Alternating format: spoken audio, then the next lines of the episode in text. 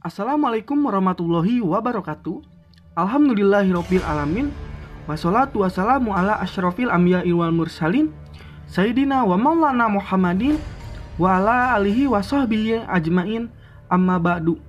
Pertama-tama marilah kita panjatkan puji serta syukur kita kehadirat Allah Subhanahu wa taala yang telah memberikan kekuatan serta kesehatan lahir dan batin kepada kita semua di tengah kondisi pandemi saat ini. Amin ya Allah ya Rabbal Alamin. Tak lupa sholawat serta salam. Marilah kita kirimkan kepada junjungan kita Nabi Muhammad Shallallahu Alaihi Wasallam yang telah mengantarkan kita selaku umatnya dari peradaban hidup yang jahiliyah menuju peradaban yang penuh akan kemajuan ilmu pengetahuan serta teknologi yang dapat kita rasakan saat ini Semoga kita semua termasuk hambanya yang taat serta berhak mendapatkan syafaatnya di hari akhir kelak. Amin ya Allah ya Rabbal Alamin. Pertama-tama izinkan saya memperkenalkan diri. Nama saya Dimas Sarul Hakim dengan NIM 190672, mahasiswa Pendidikan Kewarganegaraan angkatan 2019 Universitas Pendidikan Indonesia. Nah, di sini saya ingin sedikit menjelaskan mengenai sumber sumber hukum Islam yang mana sebagai salah satu tugas mata kuliah hukum Islam. Nah, sebelum lanjut ke sumber-sumber hukum Islam, pertama-tama kita harus mengetahui apa sih hukum Islam itu. Nah, hukum Islam atau syariat Islam adalah sebuah sistem kaidah-kaidah yang didasarkan pada wahyu Allah Subhanahu wa taala dan sunnah Rasul mengenai tingkah laku mukalaf atau orang yang sudah dapat dibebani kewajiban yang diakui dan diyakini yang mengikat bagi semua pemeluknya. Dalam hal ini mengacu pada apa yang telah dilakukan oleh Rasul untuk melaksanakannya secara total. Syariat menurut istilah berarti hukum-hukum yang diperintahkan Allah Subhanahu wa taala untuk umatnya yang dibawa oleh seorang nabi, baik yang berhubungan dengan kepercayaan atau akidah maupun yang berhubungan dengan amaliyah atau perbuatan Syariat Islam menurut bahasa berarti jalan yang dilalui umat manusia untuk menuju kepada Allah Ta'ala. Dan ternyata Islam bukanlah hanya sebuah agama yang mengajarkan tentang bagaimana menjalankan ibadah kepada Tuhannya saja. Akan tetapi keberadaan aturan-aturan atau sistem ketentuan Allah Subhanahu wa taala untuk mengatur hubungan manusia dengan Allah taala dan hubungan manusia dengan sesamanya Aturan tersebut bersumber pada seluruh ajaran Islam, khususnya Al-Quran serta hadis, teman-teman. Nah, selanjutnya ada sumber hukum Islam.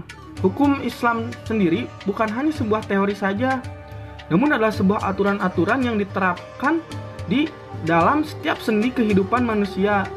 Karena banyak ditemui permasalahan-permasalahan dalam setiap sendi kehidupan. Nah, umumnya dalam bidang agama, sering kali membuat pemikiran umat muslim yang cenderung kepada perbedaan. Nah, untuk itulah diperlukan sumber hukum Islam sebagai solusi permasalahan tersebut. Yang mer yang mana sumber hukum Islam yang pertama itu adalah Al-Qur'an. Al-Qur'an adalah sumber hukum Islam yang pertama, yaitu sebuah kitab suci umat muslim yang diturunkan kepada nabi terakhir, yaitu Nabi Muhammad SAW melalui malaikat Jibril. Al-Quran memuat kandungan-kandungan yang berisi perintah, larangan, anjuran, kisah Islam, ketentuan, hikmah, dan sebagainya. Al-Quran di sini menjelaskan secara rinci bagaimana seharusnya manusia menjalani kehidupannya agar tercipta masyarakat yang berakhlak mulia. Maka dari itu, ayat-ayat Al-Quran menjadi landasan utama untuk menetapkan suatu syariat. Nah, selanjutnya ada Al-Hadis Al-Hadis merupakan sumber hukum Islam yang memiliki arti yakni segala sesuatu yang berlandaskan pada Rasulullah Shallallahu Alaihi Wasallam, baik berupa perkataan, perilaku, diamnya beliau. Nah, di dalam Al-Hadis terkandung aturan-aturan yang merinci segala aturan yang masih global dalam Al-Quran. Kata hadis yang mengalami perluasan di sini memiliki makna sehingga disinonimkan dengan sunnah. Maka dapat berarti segala perkataan atau sabda, perbuatan, ketetapan maupun persetujuan dari Rasulullah Shallallahu Alaihi Wasallam yang dijadikan ketetapan atau hukum Islam. Selanjutnya yang ketiga ada ijma. Ijma merupakan kesepakatan seluruh ulama mujtahid pada masa setelah zaman Rasulullah Shallallahu Alaihi Wasallam atas sebuah perkara dalam agama dan ijma tersebut yang dapat dipertanggungjawabkan adalah yang terjadi di zaman sahabat, tabiin, setelah sahabat, dan tabiut tabiin setelah tabiin. Karena setelah zaman mereka, para ulama telah berpencar dan jumlahnya sangat banyak. Dan perselisihan semakin banyak. Sehingga tak dapat dipastikan bahwa semua ulama telah bersepakat. Selanjutnya ada kias, sumber hukum Islam yang keempat setelah Al-Quran, Al-Hadis, dan Ijma. Kias berarti menjelaskan sesuatu yang tidak ada dalil nasnya dalam Al-Quran ataupun hadis dengan cara membandingkan sesuatu yang serupa dengan sesuatu yang hendak diketahui hukumnya tersebut. Artinya, jika suatu nas terjadi telah menunjukkan hukum mengenai suatu kasus dalam agama Islam dan telah diketahui melalui salah satu metode untuk mengetahui permasalahan hukum tersebut. Kemudian ada kasus lainnya yang sama dengan kasus yang ada nasnya itu dalam suatu hal itu juga, maka hukum kasus tersebut disamakan dengan hukum kasus yang ada nasnya. Nah,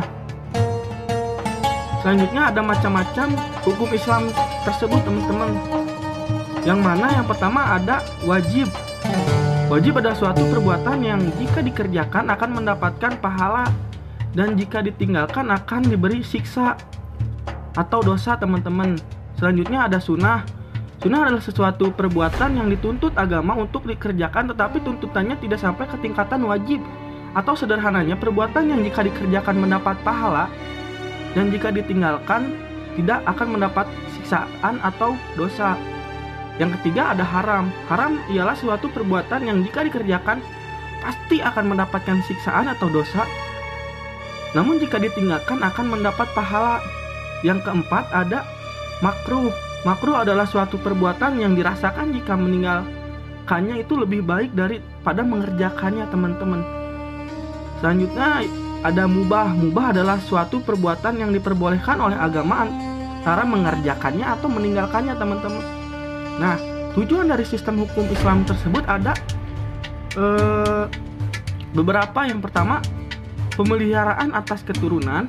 Yang kedua, pemeliharaan atas akal. Ketiga, pemeliharaan atas kemuliaan. Keempat, pemeliharaan atas jiwa. Kelima, pemeliharaan atas harta. Dan yang terakhir, pemeliharaan atas agama. Mungkin sekian penjelasan dari saya. Mohon maaf bila banyak kesalahan, baik kata maupun perbuatan karena kesempurnaan hanya milik Allah Subhanahu wa taala.